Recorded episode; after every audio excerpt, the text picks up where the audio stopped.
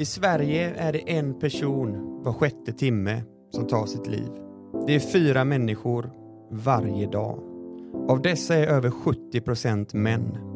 Det här är någonting som vi vill belysa. Det här är mänskliga tragedier som går att förhindra genom att vi vågar prata om detta tabubelagda ämne. Det är därför vi hörs här idag i en podcast som kan rädda liv. Varmt välkommen till Aldrig ensam-podden med mig, Charlie Eriksson. Och med mig, Erik Berg.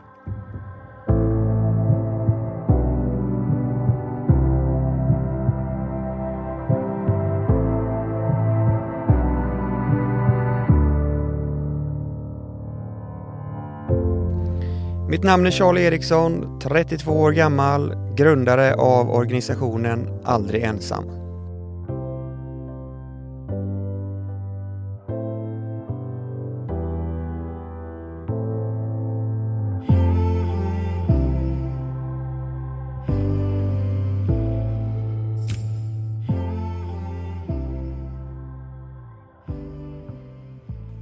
Stort tack till Mekonomen som gör det möjligt för oss att få fler att prata om psykisk ohälsa via den här podden. Besök gärna mekonomen.se eller någon av deras butiker. Tack Mekonomen!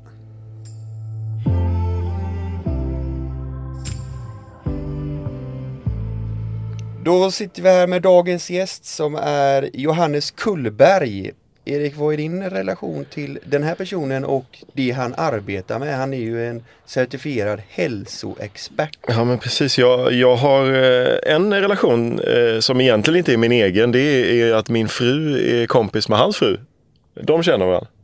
Det är ju Så en det är en- relation om något. Ja precis. Nej, men sen har jag ju följt eh, Johannes och gillar hans eh, sätt att inspirera och, eh, och så vad gäller hälsa och kost och sådär. Så att han har hjälpt mig förstå vissa grejer som att kanske inte ge Joe and the Juice dricka till mina barn varje dag.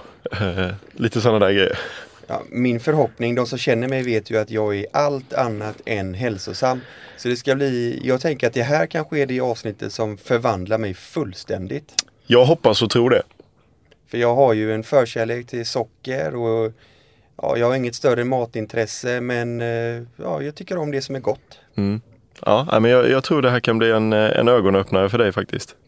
Ja, jag är otroligt glad för att han är här för det här är precis vad vi behöver och framförallt jag och säkert hur många som helst där ute som behöver en liten kickstart nu också efter alla julbord, all julmat och snart ska man ju sätta sina nyårslöften och då tror jag att vi har helt rätt person på plats för detta. Det är jag övertygad om. Så varmt välkommen Johannes Kullberg. Tack så mycket.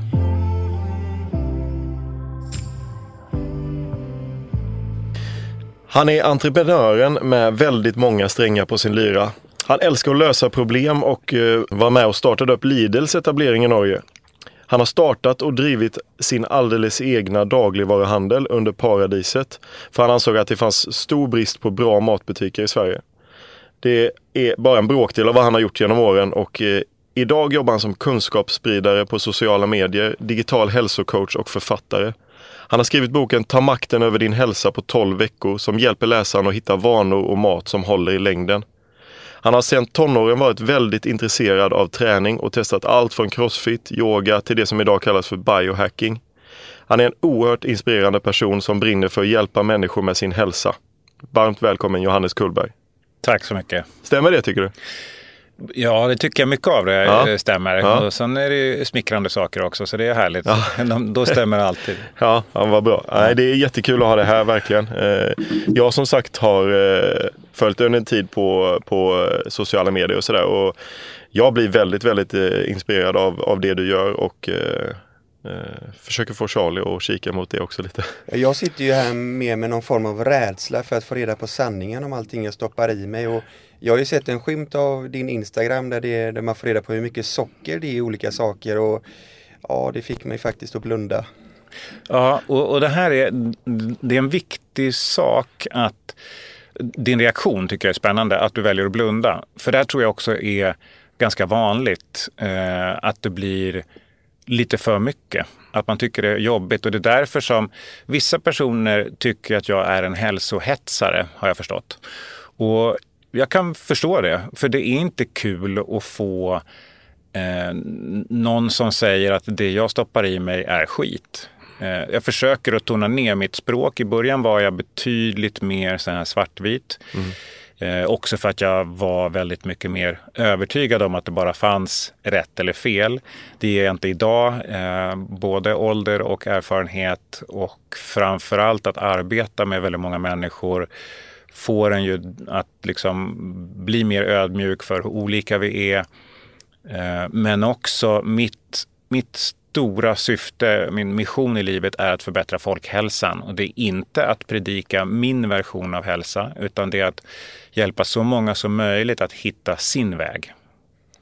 Jag tror att jag lever i någon form av förnekelse. att Jag är nog inte rädd för det jag stoppar i mig, utan jag är rädd för kampen det skulle vara att ta mig ur det här sockersuget som troligtvis är bakgrunden till att jag stoppar i mig de här sakerna. Mm.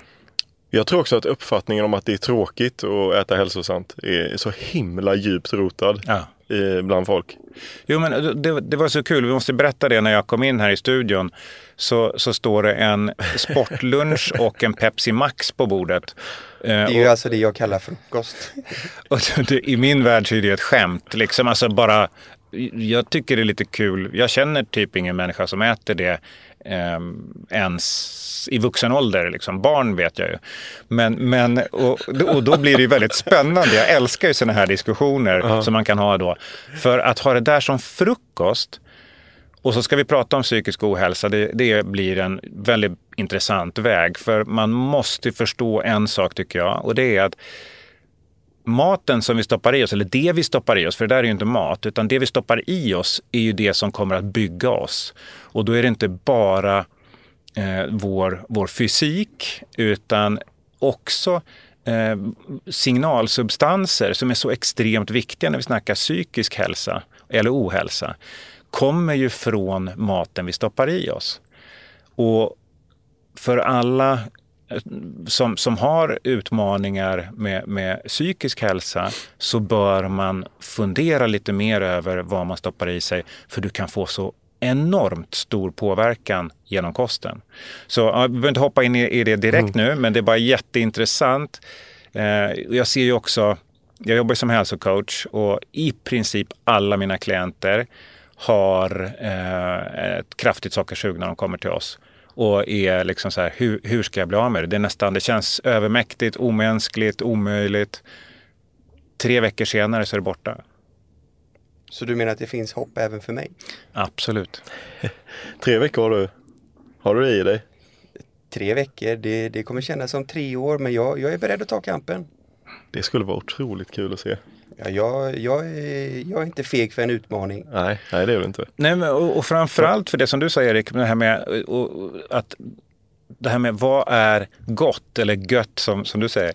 Eh, och det här är ju rätt intressant att kommer man från en miljö där man käkar väldigt mycket socker och um, snabbmat och liksom, ja men det är gött liksom.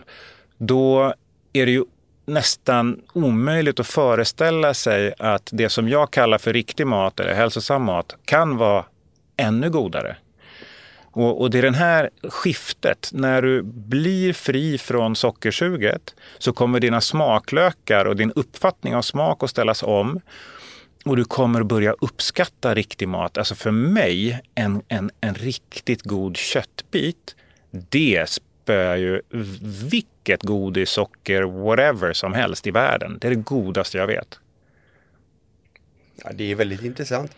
Vad får du för tankar kring ja, med min frukost och du vet ju redan nu då att jag har ett extremt sockersug och ja, jag ska ju faktiskt åka Vasaloppet här som kommer. Vad, vad tror du om mina chanser rent om du tänker min kost i kombination då med den här extrema fysiska utmaningen? Alltså om man skulle titta, det är ganska intressant om man tittar på hur lite så old school idrottspersoner tänker när det gäller liksom kost. För då är det ju kolhydratladdning som gäller. Stor pasta. Stora pastaportioner och, och liksom eh, till och med eh, på elitnivå där de snackar om att du ska direkt efter träning fylla på kolhydratsfönstret med godis gärna för att det är den snabbaste formen i princip. Och, och, jag tycker det är helt bananas. Det som det kommer leda till det är att du kommer få eh, extrema toppar och sen rasar det ner. Så kommer du behöva stanna varannan kilometer på Vasaloppet och ha, ha en ny kexchoklad eller sportlunch eller vad det nu är för någonting du ska stoppa i dig. Och du kommer ju må, din kropp efteråt kommer ju vara helt förstörd. Eh, hade du haft, jag vet inte när Vasaloppet går, men hade du haft lite längre tid på dig, då skulle jag ju satsa på att ställa om till att bli fettdriven istället. För då har du ju en nästan outtömlig liksom, energireserv. Ett kilo fett innehåller ungefär 7000 kalorier. Eh, så du kan köra rätt jäkla många timmar på det jämfört med dina kolhydratreserver som tar slut ganska snabbt. Så mellan raderna ser jag snett på det? Alltså så här, jag tror att du är fenomenalt gott sällskap. Eh, du kommer vara där, de som står och hivar i sig blåbärssoppa och trycker i sig de här vetebullarna och vad det är för någonting. Och det är väl fine. Eh, alla har ju olika liksom, ambitionsnivå. Och vad man tror på. Också. Vad man tror på, ja. absolut. Mm. Men, men jag tror, vill du kunna göra ett Vasalopp och må hyfsat bra även liksom dagen efter, då tror jag att det kan vara smart att, att, att ställa om lite och ta till sig lite och tänka lite. Vänta, hur, hur fungerar kroppen? Eller prata med någon som kan förklara det. Det här är ju jätteintressant för vi har ju faktiskt eh, ändå ett tag på oss. Nu är det slutet på december när vi spelar in detta och Vasaloppet är i början av mars. Och jag tänker att eh, du kanske kan punkta ner de fem viktigaste tipsen inför Vasaloppet så kan vi lägga upp det på vår hemsida för alla oss som ska ut och staka i spåren. Absolut. Och det skulle ju då bli en, egentligen en kombination eh, där du slipper, du blir av med sockersuget på en gång. För det vi skulle göra är att vi skulle, vi skulle ta bort liksom raffinerat socker, eh, vitt socker kan vi säga. Eh, vi skulle ta bort gluten eh, och vi skulle fokusera på Eh, riktigt bra med protein eh, och ganska mycket fett. Eh, bra fettkällor. Och då kan man göra jättegod mat med det. Mycket bra fibrer från, från, från liksom grönsaker. Men i princip ta bort de här snabba kolhydraterna och, och rätt mycket av kolhydraterna överhuvudtaget. Det som kommer att hända är att det kommer ta ungefär två veckor. Under den perioden så kommer du inte må skitbra. Eh, för då kan du få något som heter eh, keto flu eller carb flu eh, där kroppen bara så vad fasen är mitt socker? Och börjar liksom, du blir sjuk, du, du mår dåligt. Eh, och när du kommer ut ur det här, det kan komma efter en vecka ungefär, eller den första veckan. När du kommer ur det här så kommer du bli klarare i skallen, du kommer att ha, ditt sockersug kommer att ha reducerats 50-60 procent och sen fortsätter det ner. Eh, och sen efter två veckor ungefär så kommer din kropp, lite beroende, nu, nu generaliserar jag, men eh, så kommer kroppen och börja använda eh, ketoner istället för glukos, alltså fett som energikälla istället för socker. Eh, och då händer det grejer, särskilt i uthållighetssporter. Vi pratade lite om det innan, jag är kampsportare i botten och det är lite svårare men det går också utmärkt att, att vara fettdriven som kampsportare. Men, men uthållighetssporter, då är det magiskt. För då ligger du bara konstant och, och, och kör och du får inga dippar. Jag tänker mest vad, för att jag ska förstå, om jag då skulle börja med att helt förändra, ta bort sockret i ju mitt liv. För att du ska få lite perspektiv på hur situationen ser ut. Så i över tio års tid så har jag druckit mellan fyra och sju burkar läsk om dagen. Lightläsk då. Ja. Ja, det är, det är inte så ovanligt. Alltså, det här är... Det där, man tittar på försäljningen. Jag kommer ju från dagligvarubranschen som ni mm. berättade mm. i introt. Och ett sätt att se vad vi svenskar konsumerar det är att titta på vad som står på golvet. För en dagligvarubutik är fokuserad på att sälja så mycket som möjligt. Och ju bredare en sak står i hyllan, eh, desto mer säljer den. Eh, har du då en pall som står på golvet så gör man det för att det säljer bra, men också för att det ska sälja ännu mer. Man vet att det här kommer att... Och ju, ju, större jag ställer det, ju mer kommer det att sälja. Så att jag tjänar pengar på det, jag vet att folk vill ha det. Och, och där är ju energidrycken liksom mm. kungen och, och lightläsken eh, också. Så att topp 10 sålda produkter på volym i Sverige, och jag tar ur minnet här nu då, men där är läsk, energidryck och några av choklad, liksom godisprodukterna, sju av tio. Så att det är en enorm mängd människor som lever på det här sättet. Och det är inte konstigt, för vi blir kemiskt beroende. Som du säger, du, är så, du har ett mm. sockersug som är konstant. Det är klart att du tar det här. Dessutom så mår man ju lite gött när man får det. Med tanke på eh, det du beskriver så har ju faktiskt eh, dagligvaruhandeln en extrem möjlighet att påverka hur, ja, men hur utvecklingen går med vår hälsa och liknande. Vad, vad tycker du att eh, de har för ansvar gentemot konsumenterna? Ja, det där är en, det är en bra och, och, och viktig fråga. Eh, skulle du fråga dagligvaruföretagen så säger de att de har ett uppdrag att, att såklart eh, ge kunderna vad de vill ha. Eh, sen tror jag att man också tar på sig en, en roll av ett lite ansvar. Man försöker eh, att göra lite bättre. Men det blir oftast att sminka grisen. De, eh, jag ska inte nämna några namn, men det har varit kampanjer där man har försökt att jobba med eh, Eh, att öka konsumtionen av frukt och grönsaker. Men det blir några posters här och där, det kommer in i, i medlemstidningen och så vidare, men ingenting händer. Och det är ungefär så långt det sträcker sig. Men man ska komma ihåg att dagligvaruhandeln är ju en återförsäljare. Det är en retailer som det heter på engelska. Eh, de som ligger bakom de, de stora makthavarna i det här, det är ju eh, livsmedelsproducenterna och framförallt då de tio större i, i världen med Nestlé, Coca-Cola, Pepsi, mm. Mondelez och så vidare. Det är de som verkligen styr vad som händer och -huh. säljer. Min känsla är ju att enda sättet är just att göra något statligt.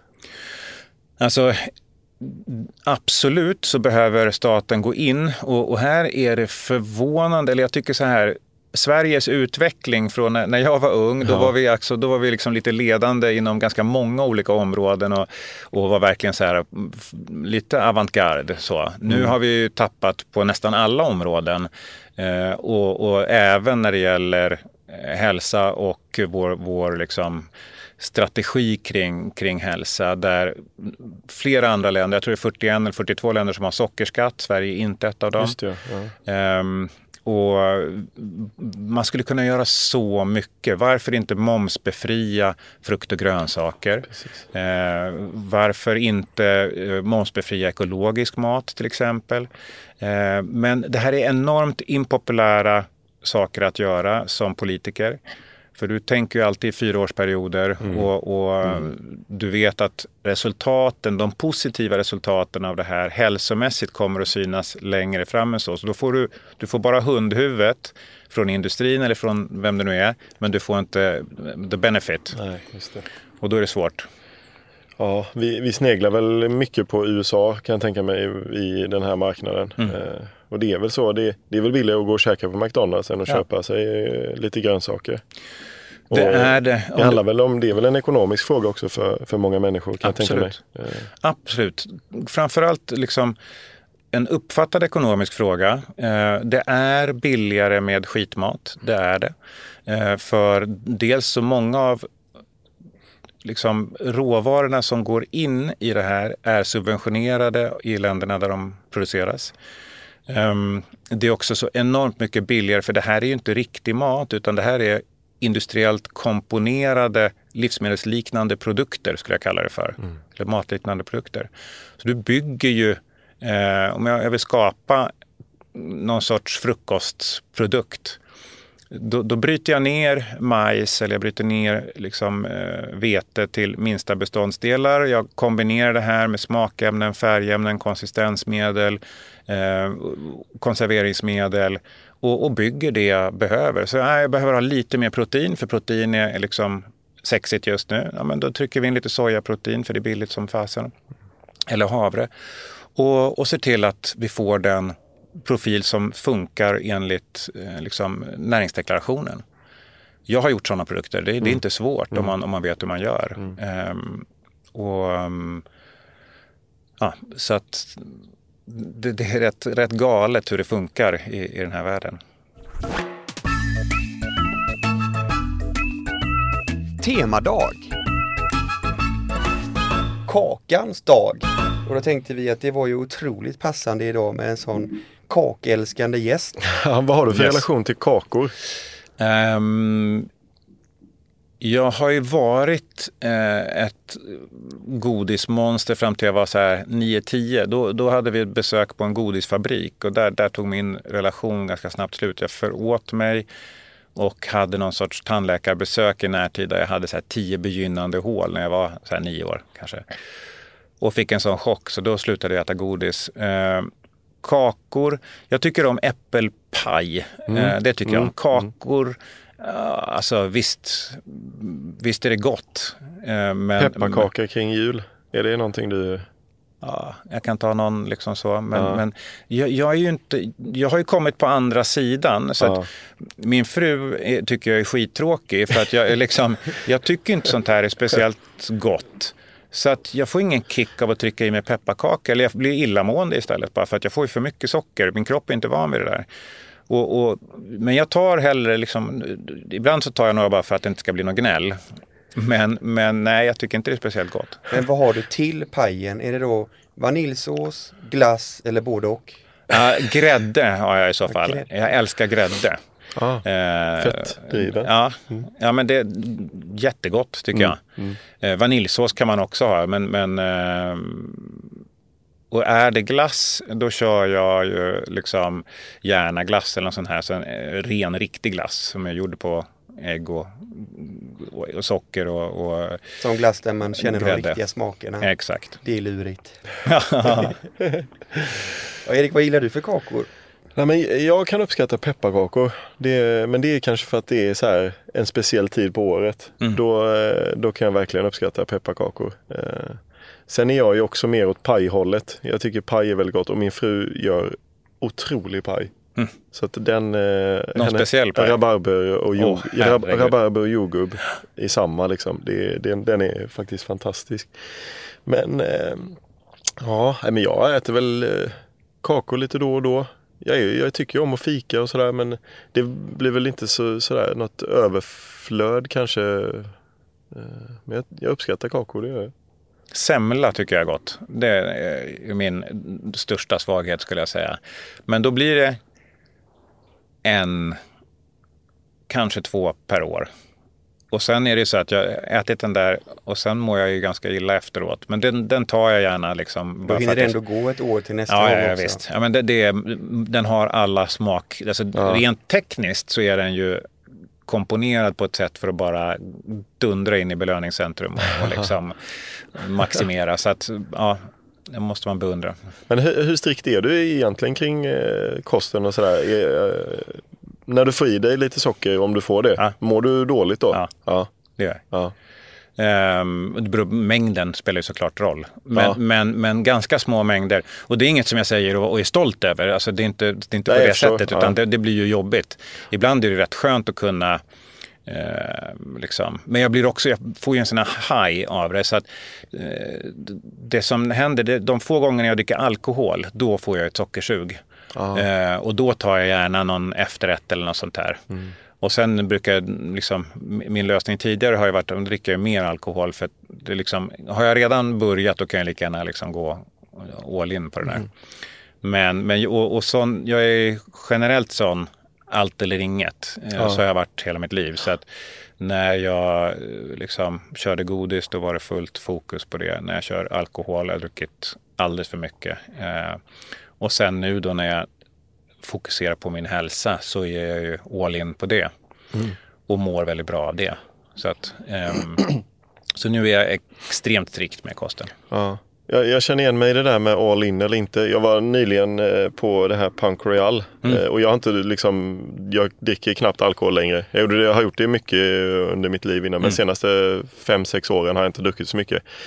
Och där blev jag en ganska blöt kväll och jag mådde alltså dåligt i ja, jag tror tredje dagen efter, Mm. då, då började jag känna mig som, som mig själv igen. Men alltså jag, jag mådde så himla dåligt Mm. av den där mängden alkohol. Och jag vet inte om det har med ålder att göra eller alltså att man inte dricker så ofta längre.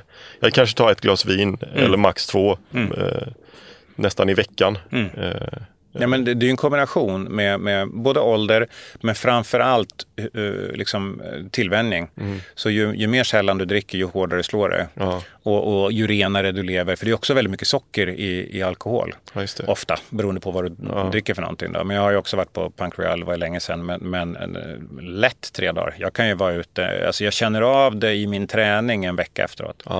Så att, och då, det är då man börjar få det här är det värt det? Ja, verkligen. Dagen efter sa jag till mig, för jag, det finns inte en chans att jag kommer dricka alkohol någon gång mer i livet. Nej, exakt. Så jag.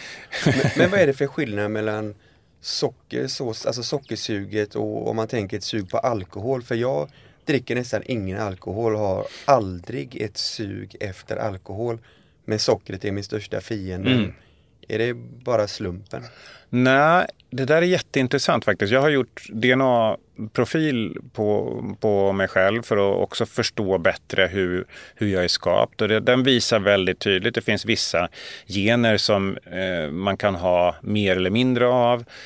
Och eh, i min profil så är jag väldigt känslig för koffein, nikotin och alkohol generellt sett. Så jag är lagd, jag har genetisk predisposition för att bli beroende. Och jag har ju varit eh, liksom snusat rejält mycket och eh, alltid haft, eller alltid, men, men sen jag varit 15 kanske, någon form av relation till nikotin. Så jag har eh, snusat mycket men sen i omgångar bytt till att röka för att jag skulle sluta och, och så. Alltid feströkt liksom när jag drack alkohol. Så att, eh, men det, det, är inte kopplat till sockret på det sättet. Eh, Sen tror jag att den kombinationen, är, alltså dricker man mycket och har ett sockersug så kommer det inte direkt att hjälpa varandra eh, på det sättet. Men eh, ja, nej, för mig så, så är, har det handlat mycket om också att få släppa kontrollen.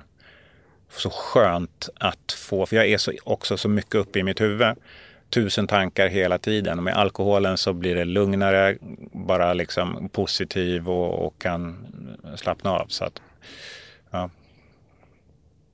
Intressant. Det blir en konflikt mellan den mentala hälsan och den fysiska hälsan då på grund av alkohol. Mm.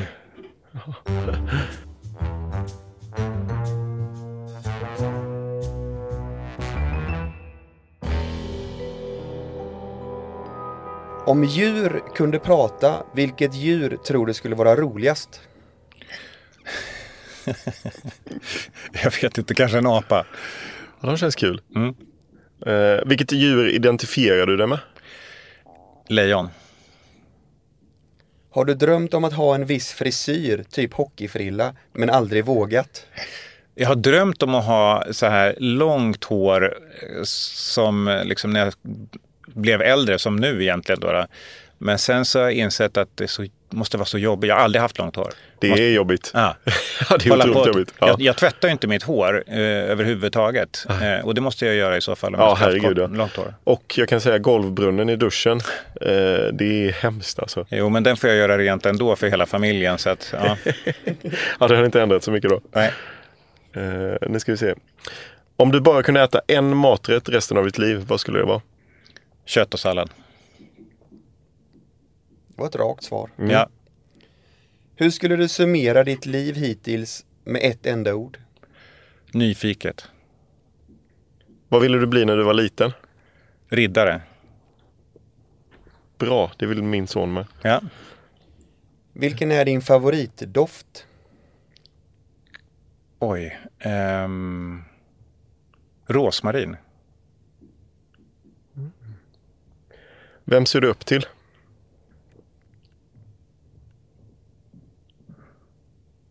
Jag måste säga, Elon Musk tycker jag är en, en favorit för vad han har åstadkommit, att han vågar tänka så in i bomben stort. Sen tror jag att han verkar vara en ganska douchebag liksom så, men ja. Om du bara fick lyssna på en enda låt resten av ditt liv, vilken skulle det vara? Oj. Måste den vara på hela tiden? Ja. Då hade jag blivit galen. Jag råkade ju välja Final Countdown med Europe. Åh herregud. Tänk det. Gud. Alltid. Men då skulle jag ju ha någon, någon eh, liksom didgeridoo eller bara någon sån här eh, musikalisk låg... Eh, Instrumentalt. Instrumentalt, ja. Ja, det är smart. Final countdown, Jesus. Ja, nej, det, är bara, det var den jag lyssnade på mycket när jag var liten. Så tänkte jag det blir lite så här eh, nostalgi. håret. Ja, precis. Nostalgi och så här. Du kommer ju Men- alltid göra väldigt schyssta entréer. Ja, den låter runt den eller? Ja, ja. ja. Okej, ja. Ja. ja, det blir tungt. Ja. Okej, då, sista frågan då. Om du fick välja en superkraft, vad skulle det vara?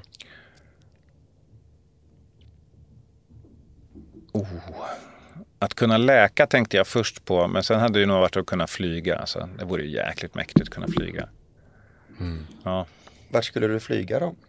Jag, bara, jag har alltid sedan jag var liten drömt att liksom, om det kom skurkar så skulle jag kunna bara liksom sväva upp så här.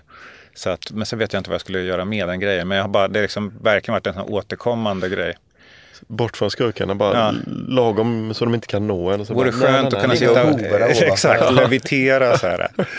Ja.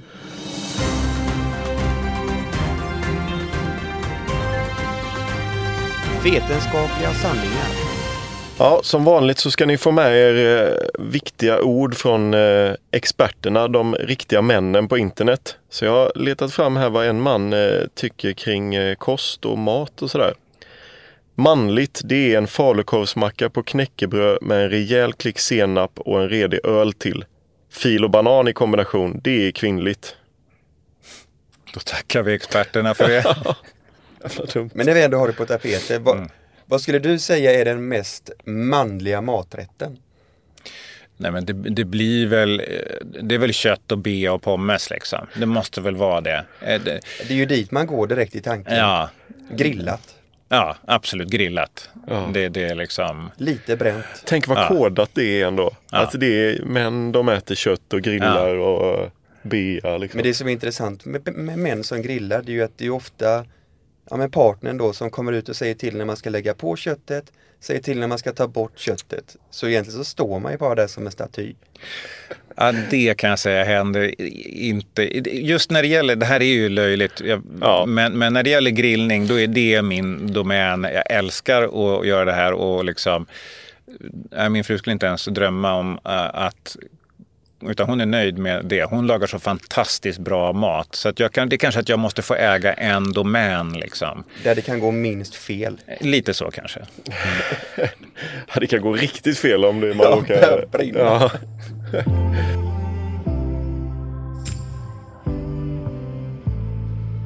Ja men det är, det är spännande att ha det här Johannes. Och, men det, skulle, det skulle vara lite intressant att höra om hur du är uppväxt och var, var du kommer ifrån eh, för familj och lite sådär. Mm. Eh, Eh, nej, men jag är uppväxt i en förort till, till Stockholm. Eh, och mamma psykolog, pappa psykiater. Så det här med psykisk ohälsa är något som jag har fått i mig sedan liksom, barnsben eller modersmjölken. har du Eh, haft goda råd hemifrån tidigt kring det där?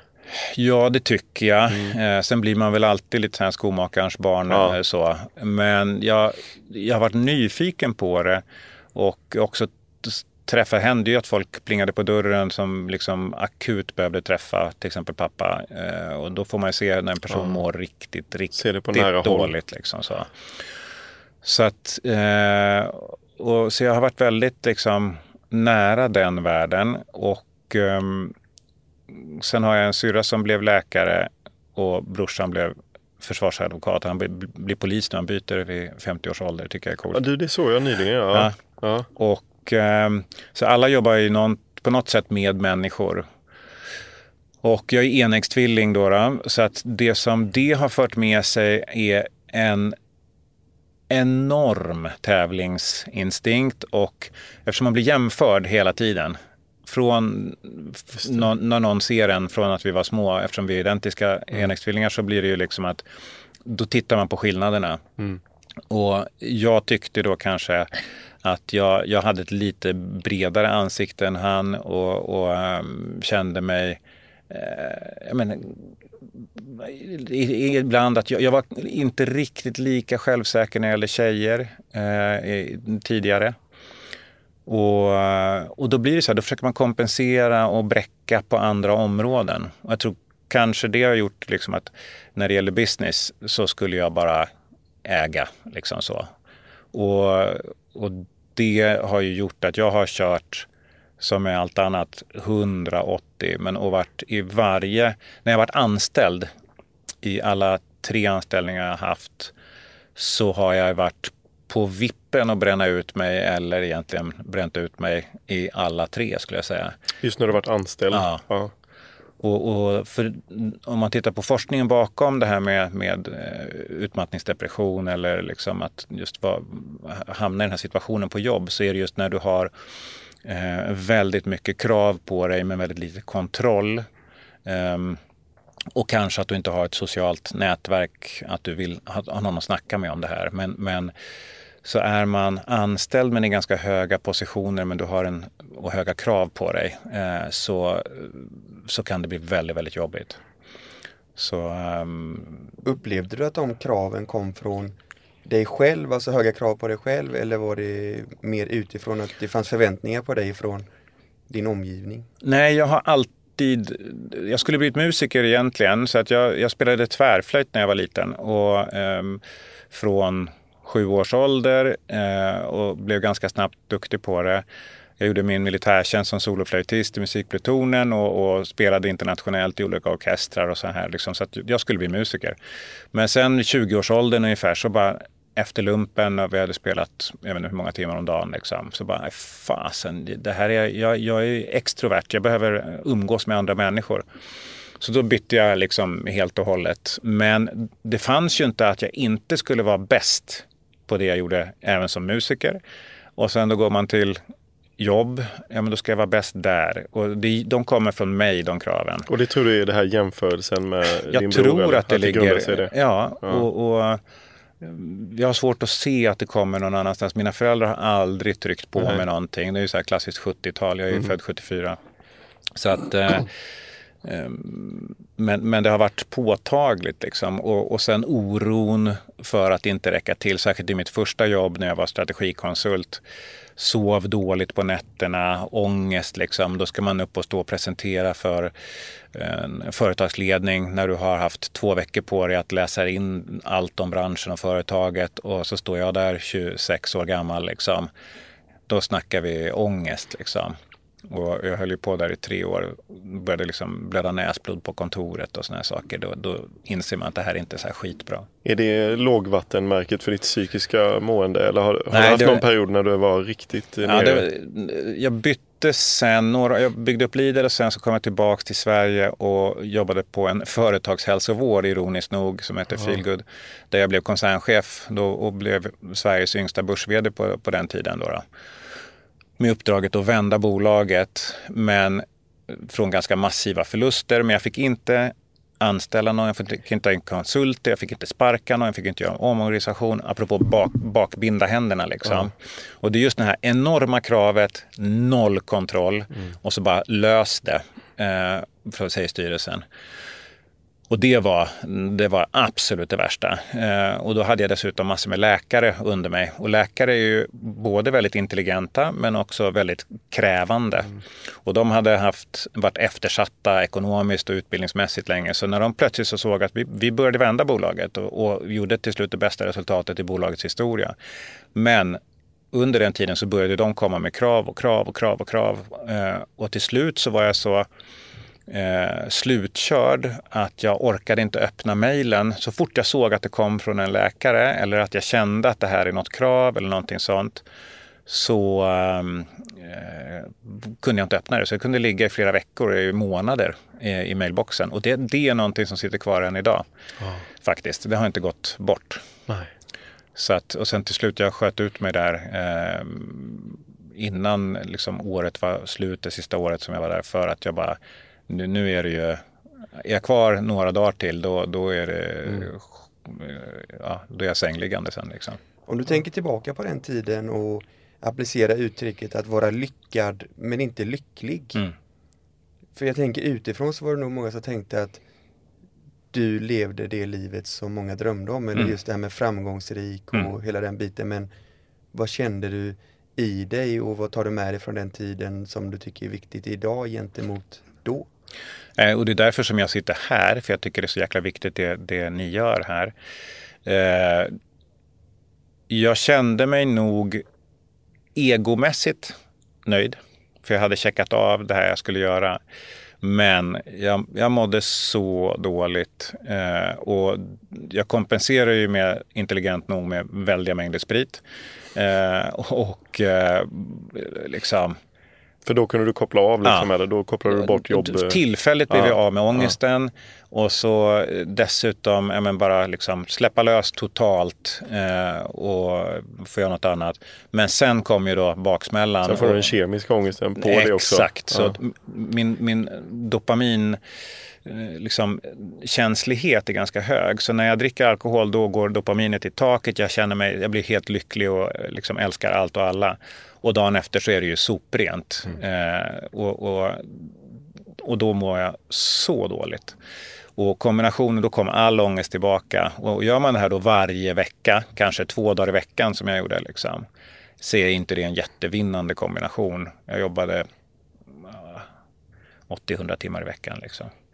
Så att jag mådde riktigt, riktigt dåligt. Så mitt enda tips till Eh, alla som lyssnar på det här är också att det här gäller ju många, många av dem vi ser på sociala medier med snygga fasader, eh, otroligt stora bankkonton, men så tomma och ångestdrivna på insidan.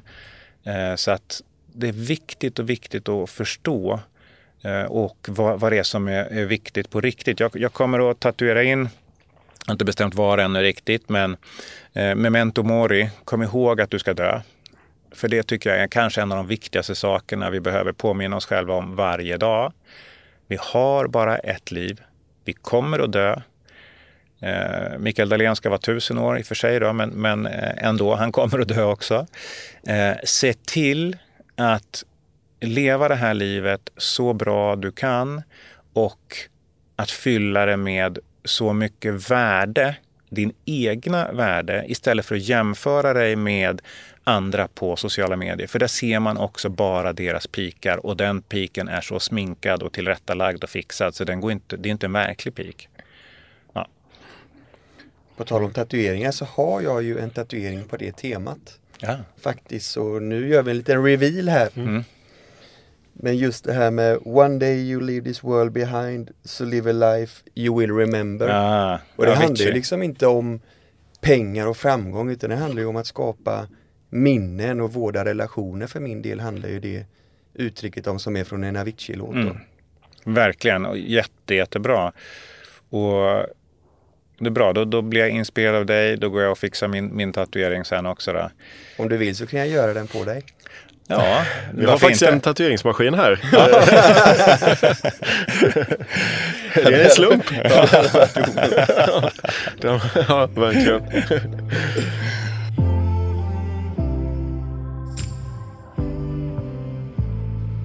En eh, intressant fråga också. Då. Hur mår du idag?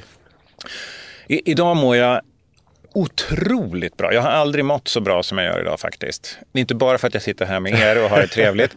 Eh, utan jag har lärt mig så väldigt mycket om hur jag, ska, hur jag fungerar. Mm. Eh, jag har för en gångs skull följt mina egna råd. Jag slutade att snusa eh, när jag skrev min bok. Det var, eh, alkoholen hade jag redan dragit ner, nu har jag i princip eliminerat den. Kosten, den, den, har varit bra de senaste åren men nu är den liksom väldigt bra. Och sen sist men inte minst så, så har jag blivit väldigt noga med att testa min hälsa och optimera med kosttillskott. Eh, där jag använder till exempel en, en, en saffranssubstans för att eh, öka serotoninet i hjärnan så att jag har en naturlig lite high hela tiden. Eh, jag jobbar med olika svampextrakt eh, på samma sätt för att mm, verkligen optimera vissa signalsubstanser som gör att jag mår bra. Så att jag har jättemycket att göra men den stressen som jag har är positiv. Och jag och, och Katrin, min fru, börjar garva nu. Um, vi har samma grej, när man går och lägger sig på kvällen så är jag liksom så här finns det en sociala medier-grej som är så här, I'm already excited about coffee tomorrow morning. Mm. Och det är så så det känns. Liksom. Så har vi också Ja. eh, hemma. Vi, vi pratar ofta på kvällen om vi längtar till den här första kaffen Ja. på morgonen. Sitter och pratar med varandra och Ja. barnen springer omkring där. Det den, den längtar vi efter när vi går och lägger oss. Och det är en väldig lyx att ha i livet tycker Mm. jag. Verkligen. Men då känner man att man prioriterar rätt saker. Ja. Jag tänkte på det eh, under tiden där när du mådde dåligt också. Ja. Ha, hade du eh, svårt att öppna upp dig kring det? Pratade du med folk om hur dåligt du mådde? Nej, jag hade inte svårt att göra det faktiskt. Eh, jag, när det väl hade hänt. Jag hade svårt att inse att jag mådde dåligt på vägen dit. Det är liksom väl så. jättemånga som har svårt att se vart det är på väg. Yes. Kan jag tänka mig. Men jag, jag har aldrig haft liksom prestige eller ångest för att visa mig svag. Det har jag ingen problem med. Och, och framförallt så, så tycker jag det är tvärtom styrka att erkänna hur man mår.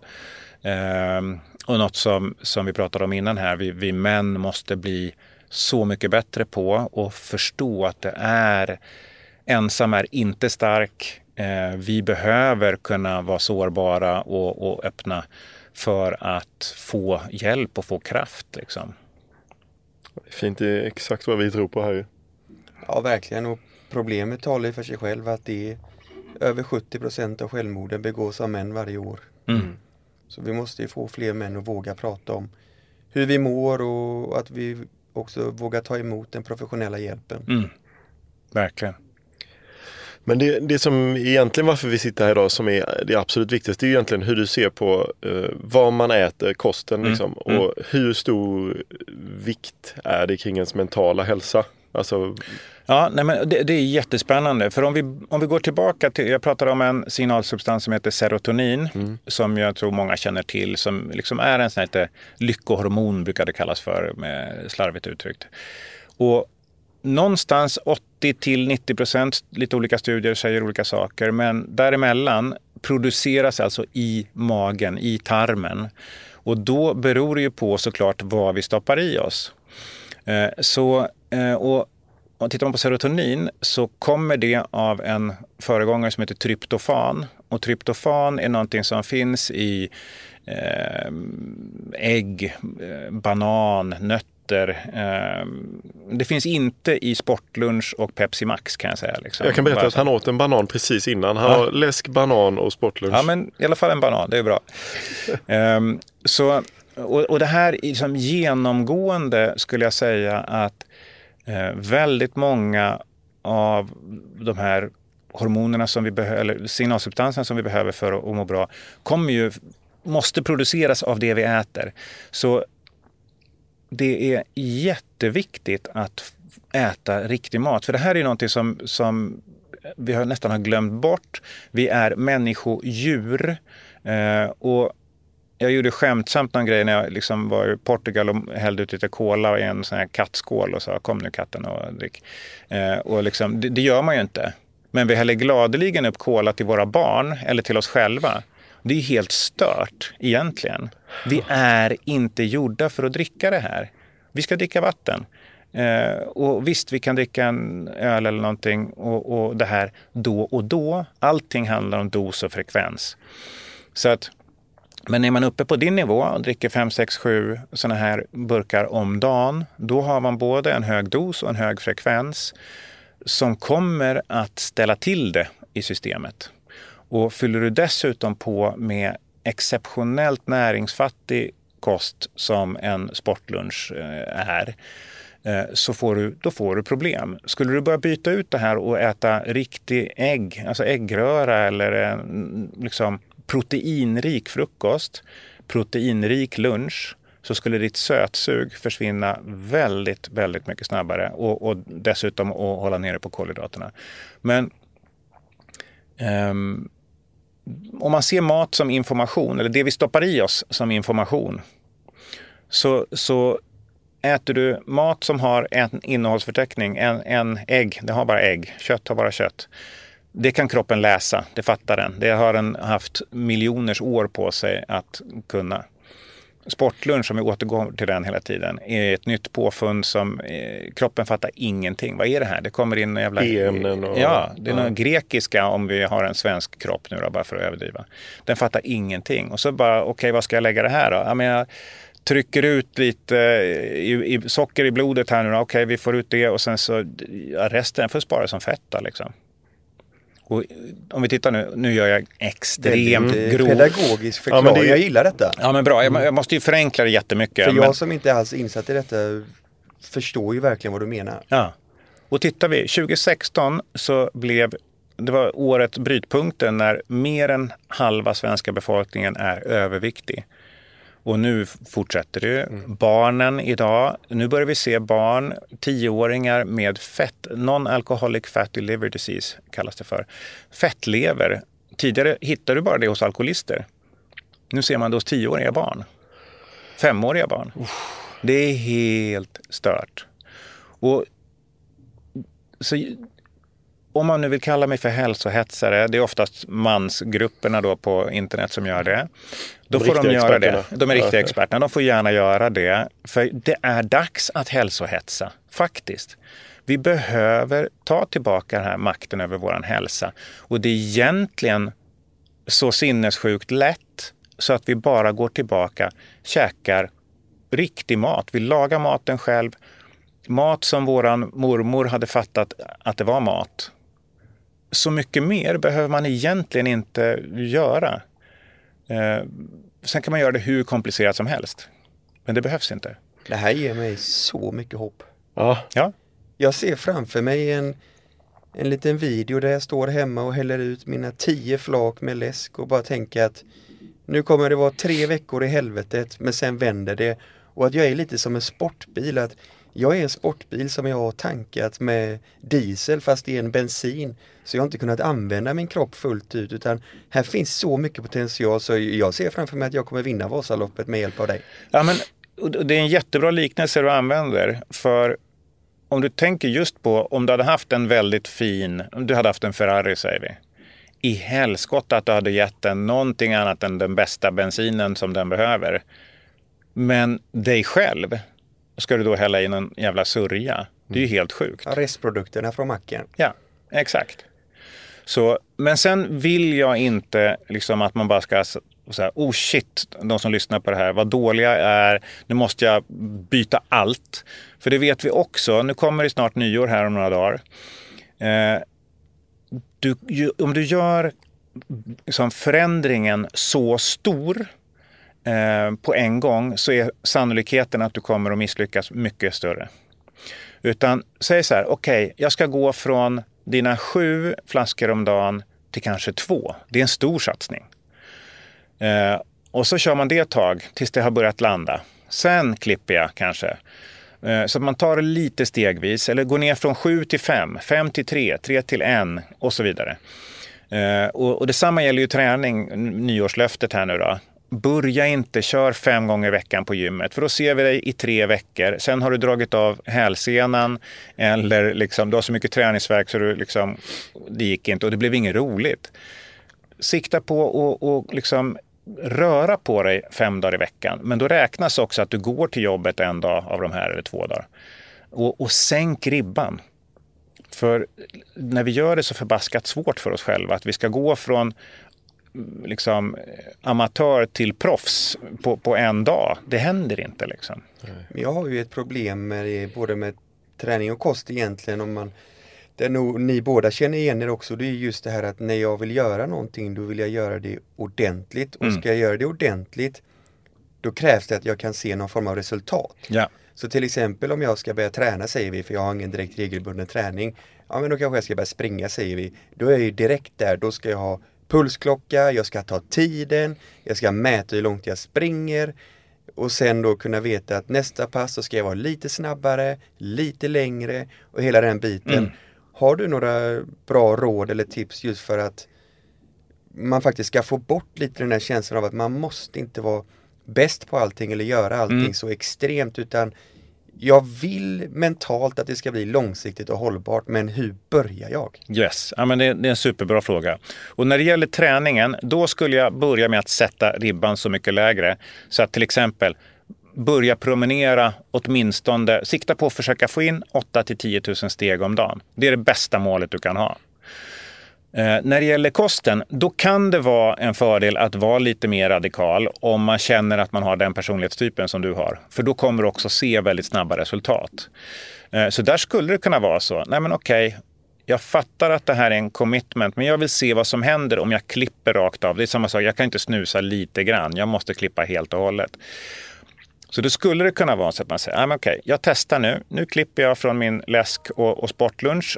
Och sen så ser jag till att eh, köra nu med förslaget på kost som Johannes har här med en viss sorts frukostar och luncher till exempel. Och utvärderar efter en vecka, två veckor, tre veckor. Och så kollar jag hur jag mår. Och mår jag jäkligt mycket bättre av det här och jag kanske märker att jag har gått ner i vikt om det är det jag är ute efter. Ja, men då är det mycket lättare att fortsätta. Träningen kommer inte att ta. Du kommer inte bli, gå från 30 kilo till 60 kilo i bänkpress på, på en vecka. Liksom. Men med kosten så kan du verkligen få resultat på en vecka. Det är jättebra. Mm, det är spännande att följa dig här, din resa. Ja, jag är så hoppfull. Ja. Ja, Jag är så inspirerad. ja kul.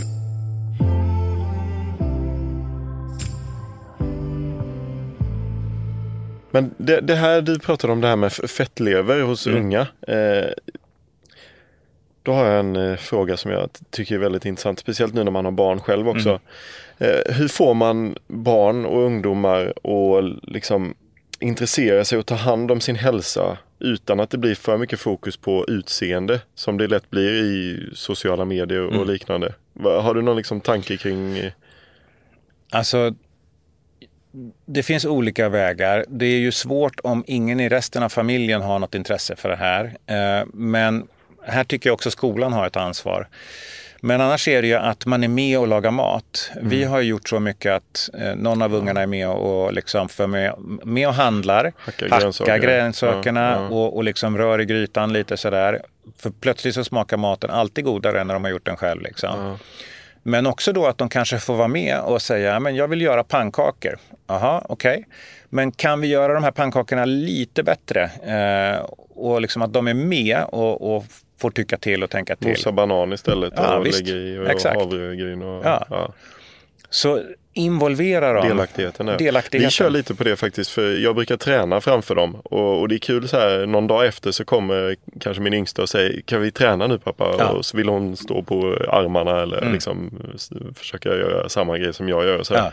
Jag vet inte, det, det, det där med att man barnen ser vad man gör är väl kan jag tänka mig en Ja, absolut. Eh. absolut. Det är jätteviktigt. Men då finns det ju också, om vi tittar upp på hur det ser ut med både psykisk ohälsa och fysisk ohälsa, Mm. så är det här också enormt kopplat till vad du har för utbildning eh, hos föräldrarna och, eller hos dig själv. Där, där eh, lägre utbildning är kopplat till högre ohälsotal generellt Mm. sett. Så det är enormt ojämlikt. Jag har ju noll utbildning men jag har ju utbildning i eh, kanske idrott och eh, på den hälsan kanske eh, väger lite Jo, men det, det gör det ju. Du har ju, behöver ju din kropp för ditt, för ditt yrke liksom, och, och det är en annan sak. Men om du har en lägre utbildning, du kanske behöver jobba två jobb för att få till ekonomin. Eh, då är det inte så att du kommer hem och har stor tid att gå och handla, eh, stå och laga mat från grunden eh, och inspirera dina barn.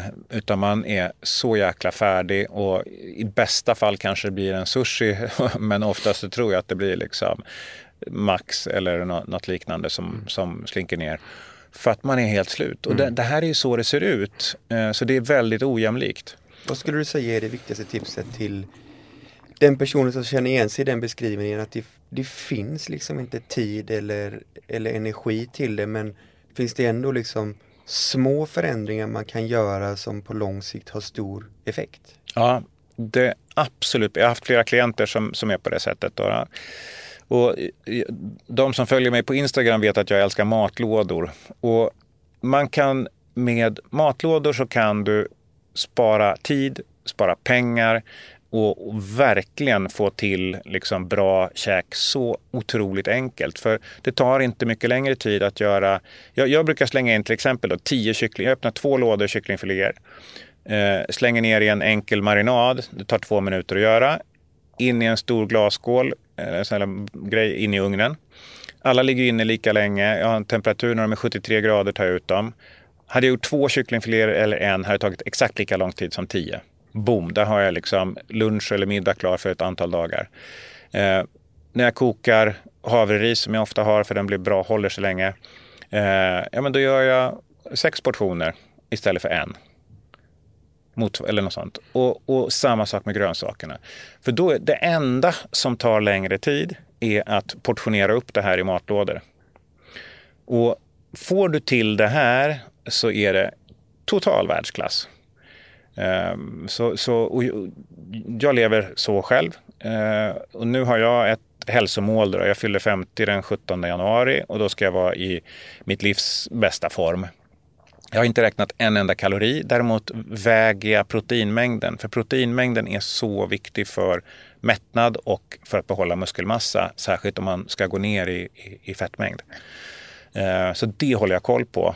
Men det är allt och det, det, är så rackarns lätt att göra. Man kan ha en liten matvåg som bara har hyfsad koll på, på proteinet och sen bara på med massa goda grönsaker och, och lite, lite långsamma kolhydrater. Boom, klart. Och det blir billigt. Du kan gå till Willys eller Lidl och handla de här grejerna. Um, och då, jag brukar stå och göra det på, på söndag, söndag lunch. Och då har jag hela veckans mat klar sen. Ja, jättebra och jag, jag själv har inget större matintresse eller att laga mat men när min sambo har gjort eh, matlådor då är, det, då är jag i himmelriket. Ja, för det är bara in i mikron och det smakar jättegott. Och jag tror, för jag känner igen mig väldigt mycket i din, din liksom syn på det här med eh, jag hade inte heller något intresse av det förut. Men om man, män brukar gilla att ha effektiva processer och liksom det blir ordning och reda och liksom man kan känner att man spar tid och, och liksom, ja, men så här, effektiv.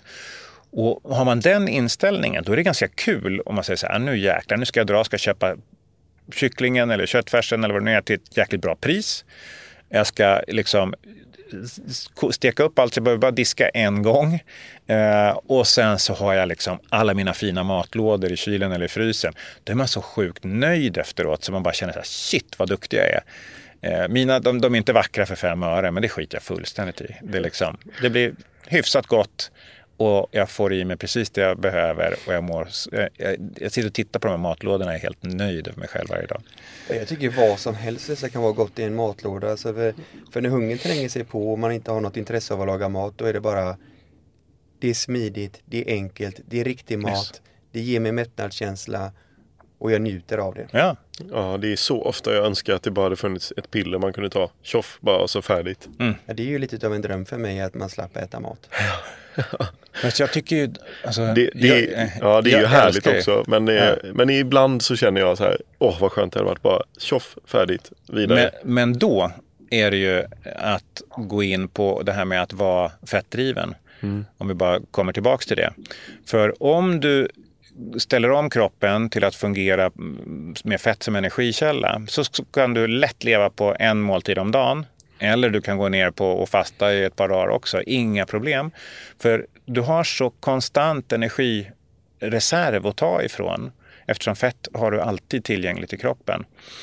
Eh, så när jag körde ketogen kost, det vill säga att man ligger på en 80 energiprocent från fett, eh, då äter man väl, i princip kött och, och, och, och fett. Eh, eller typ, typ så.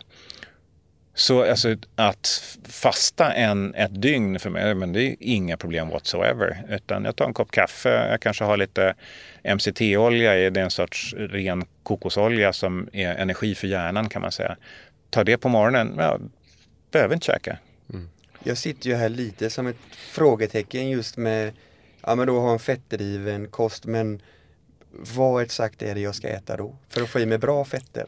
Alltså bra fetter så, som jag liksom, ser det och, och, det går ju lite på tvärs mot Livsmedelsverkets rekommendationer. Eh, men det är, det är, ett helt avsnitt bara det. Mm. Men det är naturliga fetter, samma sak där, som inte har långa innehålls... Margarin, det är skit till exempel. Men riktigt smör eh, och ghee som är alltså ett klarat smör också. Du har olivolja, du, har, du kan äta avokado, eh, olika nötter. Ehm, du har eh, andra typer, kokosolja, avokadoolja, eh, liksom, you name it egentligen.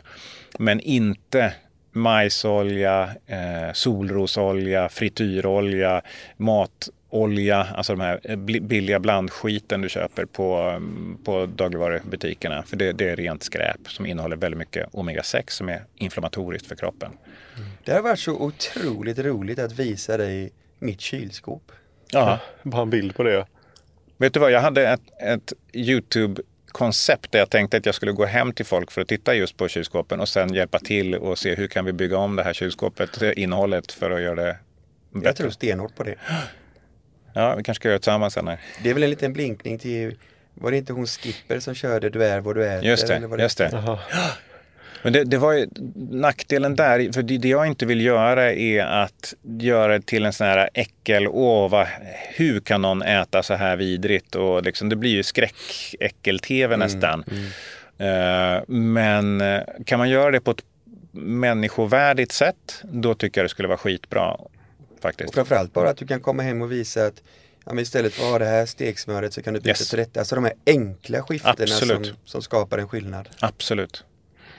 Du är ju där för att hjälpa, inte för att döma. Exakt Nej, så. Exakt så. Vad, har du någon eh, dröm kring framtiden? Vad skulle du vilja göra?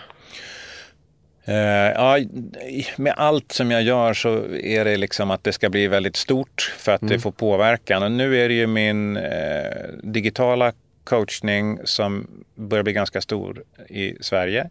Och, och, det är väl kanske att ta den sen utomlands. Men först och främst så, så jag för en gångs skull ska jag försöka hålla mig i Sverige. Nu ska jag börja jobba mot företag eh, för att det är också min gamla arena, komma tillbaka nu 10-15 år senare med nya kunskap, nya verktyg. Så att vi kan må bra, bra både hemma och på, på jobbet. Ehm, det finns mycket att, att göra men har, nu har jag byggt om min källare till en Youtube-studio. Så jag släppte mitt första riktiga Youtube-avsnitt här nu i helgen och nu kommer ett i veckan. Så det är min nya arena för det är så... Eh, på Instagram har du bara 90 sekunder och att kunna göra det jag vill göra så pass seriöst som jag vill göra är väldigt svårt. Mm. Men när du har obegränsat med tid så är det fenomenalt roligt. Så nu, är det, nu ska jag bygga, jag har lovat min sjuåring en, en sån här YouTube play button inom, mm. inom ett år men det bör nog gå snabbare än så. ja, men spännande.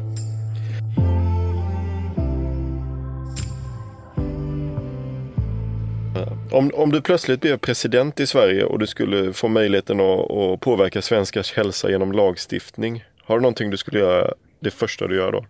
Ja, faktiskt. Eh, jag skulle införa, på samma sätt som vi har för bilbesiktningen varje år, skulle jag göra en eh, hälsobesiktning. Mm. För det är för mig obegripligt att vi inte Tittar man på, på sjukvårdsbudgeten så går 3% av sjukvårdsbudgeten till preventiv sjukvård.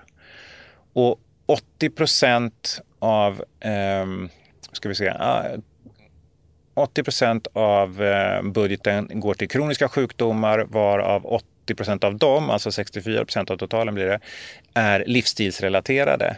Alltså sånt som är helt onödigt. Mm. Ni fattar hur många miljarder som går till saker som vi hade kunnat undvika. Typ 2-diabetes, obesitas, eh, hjärt-kärlsjukdomar. De allra flesta är ju kopplade då till vad vi äter och delvis hur vi rör oss. Så skulle vi införa obligatorisk hälsokontroll eller hälsobesiktning med en bra rådgivning kring vad du kan göra och då subventionerade eh, liksom, hälsosam mat. Mm ja, vi skulle ha bästa hälsan i världen. Vad tror du läkemedelsföretagen skulle säga då? Ja, de skulle vara lika glada på mig som de är idag eller än, ännu surare. Men, ja, men det, för det är ju, det är ju en sån eh, eh, värld vi lever i. Ja. De, de kommer inte tjäna pengar då och de tjänar ju pengar på att vi är sjuka. Absolut. Det, vill man vara lite konspiratorisk så finns det ju liksom en väldigt stark koppling både då mellan de här Big Food som mm. är de stora livsmedelsproducenterna i världen som ju tjänar pengar på att vi äter skräpmaten och tjänar noll mm. kronor på broccoli och, och kött. Liksom. Och sen har du livsmed- eller läkemedelsbolagen som tjänar fenomenalt mycket pengar på att vi ska trycka i oss statiner, insulin och andra liksom, läkemedel för att hantera de här livsstilsrelaterade sjukdomarna. Men just det här sockerskatt i Sverige mm. också, skulle du tycka det var intressant? Jag tycker det är obegripligt att vi inte har det. Mm. Obegripligt. Ja, för vad jag förstår på, du hade något exempel där, i, i England så innehåller en läsk bra mycket mindre socker än vad det gör i Sverige. Ja. Och visst, man ersätter till, till viss del med, med sötningsmedel, eh, men det är just också kombinationen där, för om vi tittar på jag har ju ett väldigt nördigt intresse, men jag tittar på prisindex på olika livsmedelsgrupper. Mm. Och, och, det sjuka är ju då att frukt och grönt ökar i kostnad varje år. Eh, men däremot finns det en kategori som i princip står till och det är, god, står still och det är godis. Mm. Och det här vet man, om man jobbar i dagligvarubranschen så använder man godis som en dragare av, det drar in folk. Eh, vissa produktkategorier är dragare, blöjor är en annat sån här exempel. Och då ser man till, det spelar ingen roll, jag behöver inte gå med vinst på de här produkterna för jag tjänar pengarna på, på resten av grejerna. Nu tjänar man bra pengar på godis ändå, men det är helt onödigt att, att, att gå och ha dyrt godis eh, för då kommer folk att gå till andra butiker. Mm.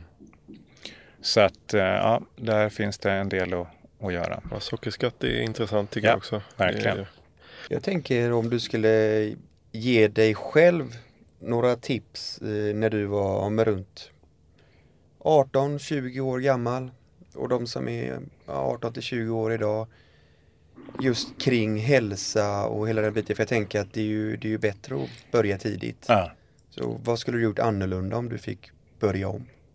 Jag skulle ha druckit väldigt mycket mindre alkohol och, och fokuserat på min självtrygghet. Det var väl mest en kombination. Dels att kunna slappna av men också att jag var blyg för tjejer. Jag tror, visste inte riktigt hur jag skulle approacha dem. Liksom så. Och med alkohol så blev det ju jätteenkelt för då, då vågade jag.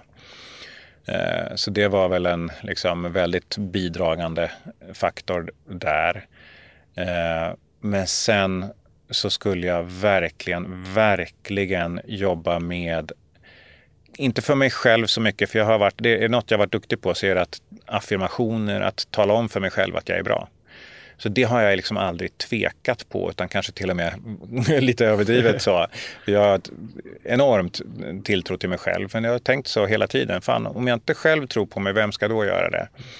Och att stärka unga människor i sin tro på sig själva, att de ska förstå att de är värdefulla, att de att man kan göra fel och, liksom, och att man ska söka liksom, hjälp av andra om man mår dåligt. Det här, för att, att, att varje självmord som händer är ju ett misslyckande i samhället som, som i, i stort. Liksom. Och det, som går att förebygga också. Som går att förebygga. Mm. Mm. Och det är därför vi sitter här idag. Ja. Det är allt vi vill försöka hjälpa till att förebygga ja. så många som möjligt. Och det behöver inte gå så långt, förlåt, men det behöver inte gå så långt heller. Det är ju många som går med tankarna men sen aldrig begår självmord, tack gode gud. Men mm. ändå, den här psykiska ohälsan, kan vi få bort den, liksom, eller kan vi, kan vi minska den, eh, så vore det fantastiskt. Och jag tror bara det ni gör här är så viktigt. Jag tänker just kring manlighet och, och att vi är överrepresenterade vad det gäller självmord och att vi är dåliga på att söka hjälp och prata om känslor. Men den här stereotypen av vad en riktig man är med machokulturen och allt det här omklädningskulturen och liknande. Men om man tänker idag då, vad, vad tycker du är utmärkande för en riktig man? Nej, men jag tycker att det är en sak som jag fick lära min pappa väldigt tidigt. Och det var nog för att han var väldigt liten och fick börja skolan när han var sex istället för sju. Så han var alltid minst och liksom så. Det är att alltid ta hand om de svaga. Det har jag fått sen jag var liten. Eh, och, och, en riktig man tycker jag tar hand om sådana som är svaga. Re, svagare än en själv. Eh, det kanske är det viktigaste i, i min värld och att man eh, just kan vara inte dömande. Eh, för det är så otroligt lätt hänt och jag vet själv hur jag liksom har slängt mig med eh, uttryck som kan uppfattas jättenegativt av andra slarvigt. Kanske för att rent slarv, kanske för att jag var osäker själv, kanske för att eh, jag inte visste riktigt hur man eh, använder dem och så vidare. Men det här är man, särskilt när man har nu, liksom jag har tre barn och man kan höra när de kommer hem och någon har sagt någonting, att det sätter sig så hårt. Och att förstå det. Och jag forskar mycket kring hur hjärnan fungerar också. Och, och jag märker det själv just när vi pratar sociala medier, att negativa kommentarer vi är förprogrammerade rent överlevnadsmässigt att ta till oss av negativa, negativa kommentarer. Det här är inget nytt, men liksom, så jag kan få tusen positiva grejer på Instagram, men får jag en riktigt sån här negativ, boom, det är den jag kan gå runt liksom, mm. i flera dagar. Ja. Och, och det är helt galet. Och trots allt jag vet om det här, trots att jag inte alls känner personen, att jag inte behöver bry mig, så sätter det sig ändå. Och då är jag snart 50, har mitt självförtroende, min självkänsla i princip osårbar som jag ser mig själv. Tänk då om jag är 13 eh, och, och någon säger, liksom skriver på sociala medier i, i något sånt här anonymt klassforum eller något sånt där. Någonting som sårar mig så in i djupet. Alltså, det är vidrigt. Mm. Så att jag tror att eh, nätkunskap och nätmobbningskunskap är någonting som också är sådär viktigt för att hjälpa till att förebygga. Förstå hur farligt och skadligt det är. Ja, tyvärr pekar väl allt åt fel håll vad gäller eh, ungas psykiska hälsa. Ja. Men ja, som du säger, det behövs ju tas krafttag kring just sociala medier. Mm. Ja, det är, ju, det är ju verkligen en stor del som jag tycker är lite så här svår att hantera. När, nu är mina barn små men man har ju den perioden framför sig och, mm. och man har man några år på sig att fundera på hur man ska tackla det och hur man ska hantera det. Men eh, det tycker jag verkligen är eh, en utmaning. Mm. Eh, ja. Men det, det, här är väl någon typ av det viktigaste Något är att börja någonstans. Ja, precis. Ja. Det är ett försök är till att göra, påverka någonting. Ja, så är det.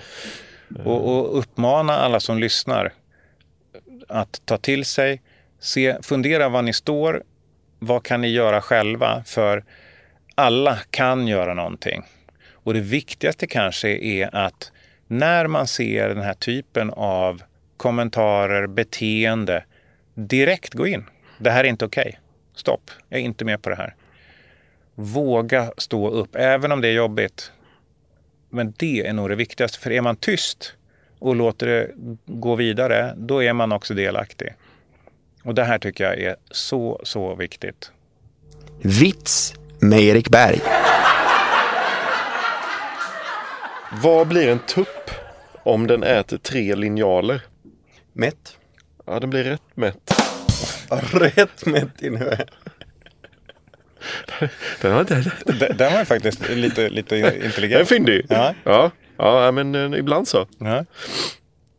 Har du något, eh, har du något sånt här eh, har du det i familjen? Är det någon i familjen som är extra rolig? är det du eller är det fru eller är det barn eller är det någon som drar skämt? Jag är helt kliniskt befriad från Göteborgshumor. Och jag tycker det är kul men, men vi har faktiskt ingen som håller på att dra skämt. Och jag vet, jag blev inbjuden en gång till en podd med Glenn Hussein och några, han har någon sidekick där också. Eh, men när jag förklarade att jag varken typ förstår, eller att jag inte kan någonting om fotboll och inte förstår Göteborgshumor så, så, så tystnade den inbjudningen. Men det här tänker jag, det här övergår ju nästan till en utmaning att vi måste få Johannes att skratta. Ja, ja det kan bli många. Har, har han skrattat hittills? Har du sett det? Nej, han har inte dragit ens på smilbandet. Men eh, jag tänker den här går ändå i hans anda. När jag tidigare arbetade på en flyttfirma fick jag en möbel i huvudet. Det var en skänk från ovan. Ja, alltså, jag vet inte riktigt vad man ska säga. Det, det är så lite, Han drar lite på smilbanden. Lite, lite grann. Det är lite så här smärtsamt. Ja. Äh, att, man tycker lite synd om den som drar skämtet. Lite så, ja, exakt. Ja. Och min, min, det här är ju den största skillnaden mellan mig och min bror. Han sitter och tittar på de här, det finns på, på Instagram tror jag någon, så här, någon, någon som skrattar. skrattar ja, exakt. Och han har skickat, jag vet inte hur många klipp han har skickat till mig. Och det är så obegripligt tråkigt tycker jag. Eller bara dumt liksom. Och han skrattar så att han pissar ner sig. Men du har ju internationella ambitioner, så här kommer en internationell Ja. rackare då. Mm. Vet du var hajen lärde sig att simma? På high school. Alltså, hur har man tid att göra så här dumheter? Alltså? Ja, det är mer. Jag blir, jag blir fascinerad Ja. över liksom, engagemanget. Ja, men jag ser det som en, en typ av intelligens och eh, komma på sådana här. Här kommer Ja. faktiskt min livsfilosofi i en vits. Då avslutar vi med det. Ja. Ja, det kan vi göra. Jag tränar nästan varje dag. Igår till exempel, då tränade jag nästan. Det var väldigt Ja, det, passande. det, det är bra. Det är bra.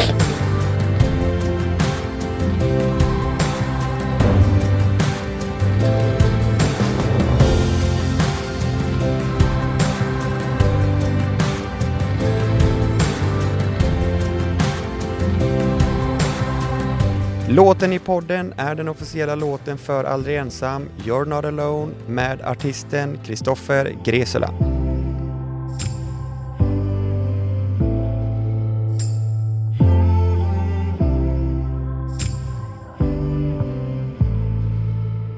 Otroligt eh, inspirerande att få träffa dig Johannes och jag ser fram emot att du ska få hjälpa mig med mitt sockerberoende och att du eventuellt är anledningen till att jag står som vinnare i Vasaloppet här framöver. Vilket skulle vara en, ja det är, det är bragdguldet på det Ja men vi är båda här, vi tror ju på dig där. Ja, det är helt absolut. klart. Och ni som lyssnare som tyckte det här var intressant eh, och vill veta mer om Johannes eh, eller eh, ja, vad han håller på med. Eh, hur får man reda på det? Vart eh, söker man sig? Då kan man kolla på Johannes Kullberg, Kullberg med C på Instagram. Johanneskullberg.com är min sida. Eh, tycker man det låter spännande med hälsocoaching så är det reu.co eh, som gäller. Och inte att förglömma din nya Youtube-kanal. Bra, som också heter Johannes Kullberg. Jag håller det väldigt enkelt. Det är bra, det är, stä- det är tydligt. Ja. Ja, verkligen. Ja, och så får ni komma ihåg att prenumerera och sprida det här ordet så att vi kan eh, få fler att prata om psykisk ohälsa. Det är vårt mål. Verkligen. Och det är tillsammans vi skapar en skillnad. En skillnad som kan rädda liv.